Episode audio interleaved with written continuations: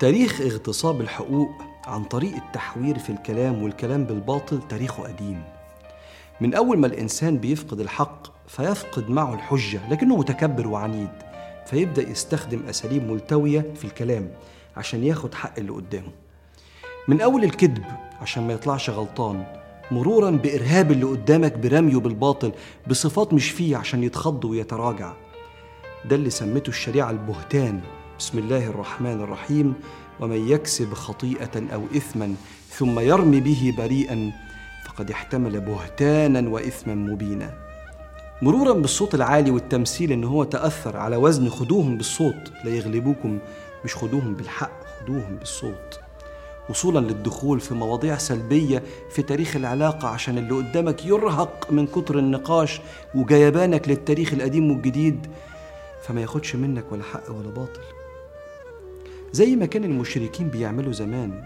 لما كانوا بيتكلموا بصوت عالي ويقولوا أي حاجة عشان يعملوا صوت على كلام النبي عليه الصلاة والسلام فلا يسمعه الناس. وقال الذين كفروا لا تسمعوا لهذا القرآن والغوا فيه لعلكم تغلبون. الحوارات الباطلة دي ساعات بنت أو ولد يعملوها مع أمهم لإسكاتهم لأن هو الولد والبنت عارف إني ماشي بطريقة غلط ومش عايز حد يربيني بصراحة فيسكتوهم بكلام مش كويس. ساعات بتحصل ما بين الصحابات في صورة نجوى واحدة ماسكة ودن واحدة وعمالة تكلمها على واحدة تالتة وعمالة تحكي لها قصة حصلت. اسمع شوية تحابيش باطلة عشان ما تغلطش نفسها وتقسي قلوب الناس على صاحبتها اللي هي شايلة منها. بيحصل التحوير في الكلام ده على ترابيزة الاجتماعات قدام المدير عشان واحد ينسب لنفسه مجهود.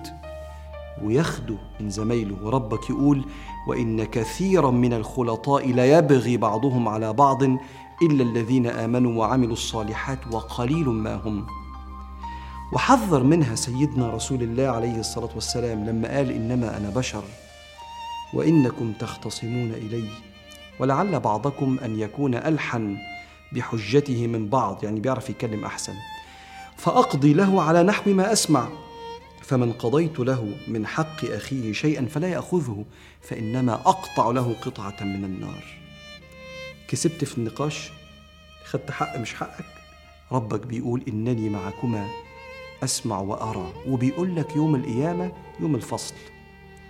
رب السماوات والأرض وما بينهما الرحمن لا يملكون منه خطابا. يوم يقوم الروح والملائكة صفا لا يتكلمون. إلا من أذن له الرحمن وقال صوابا.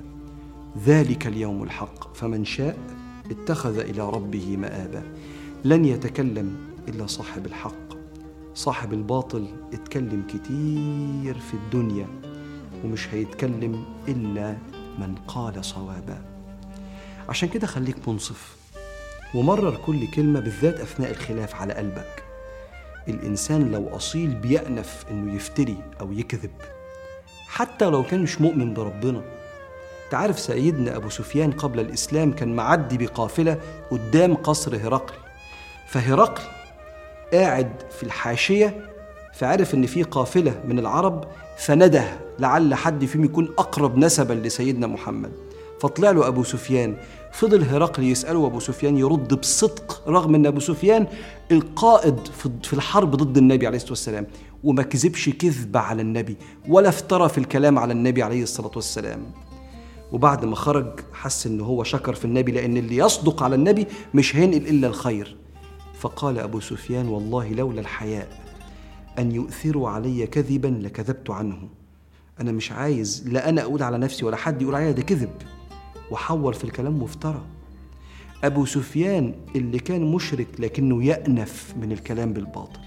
فاعمل حسابك بقى دايما على مراقبة الكلام حتى لا يخرج من هذا اللسان إلا ما تريد أن تراه في صحيفتك غدا. فاللهم يا حق من كان منا على غير الحق فرده بالحق إلى طريق الحق.